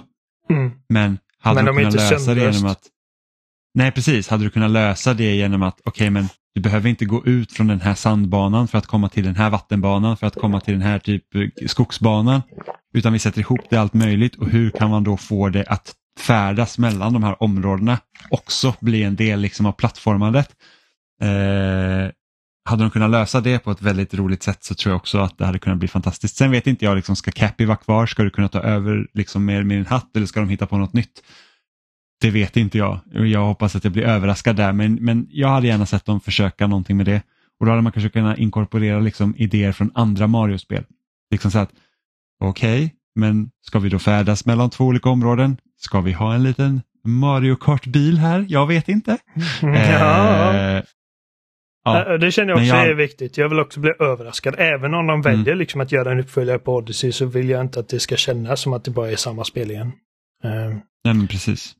Och jag har faktiskt ingen aning om hur de ska lösa det. det nej, liksom, jag, nej, jag, vet, jag, vet, inte. Det är, jättesvårt. Svårt att föreställa sig. Verkligen. Det är deras jobb. Uh, och komma på hur de ska göra det. ja, så är det. Uh, men, ja, men man är alltid nyfiken på vad Nintendo ska göra. Liksom. Jag ser ju väldigt mycket fram emot nästa Zelda nu. Ja, jag med. Herregud. Och vad det ska innebära. Får vi hoppas att Gabriel har hittat sitt sista koroxid eller om han är fast i det spelet för evigt nu. Han är nog fast i det spelet för evigt.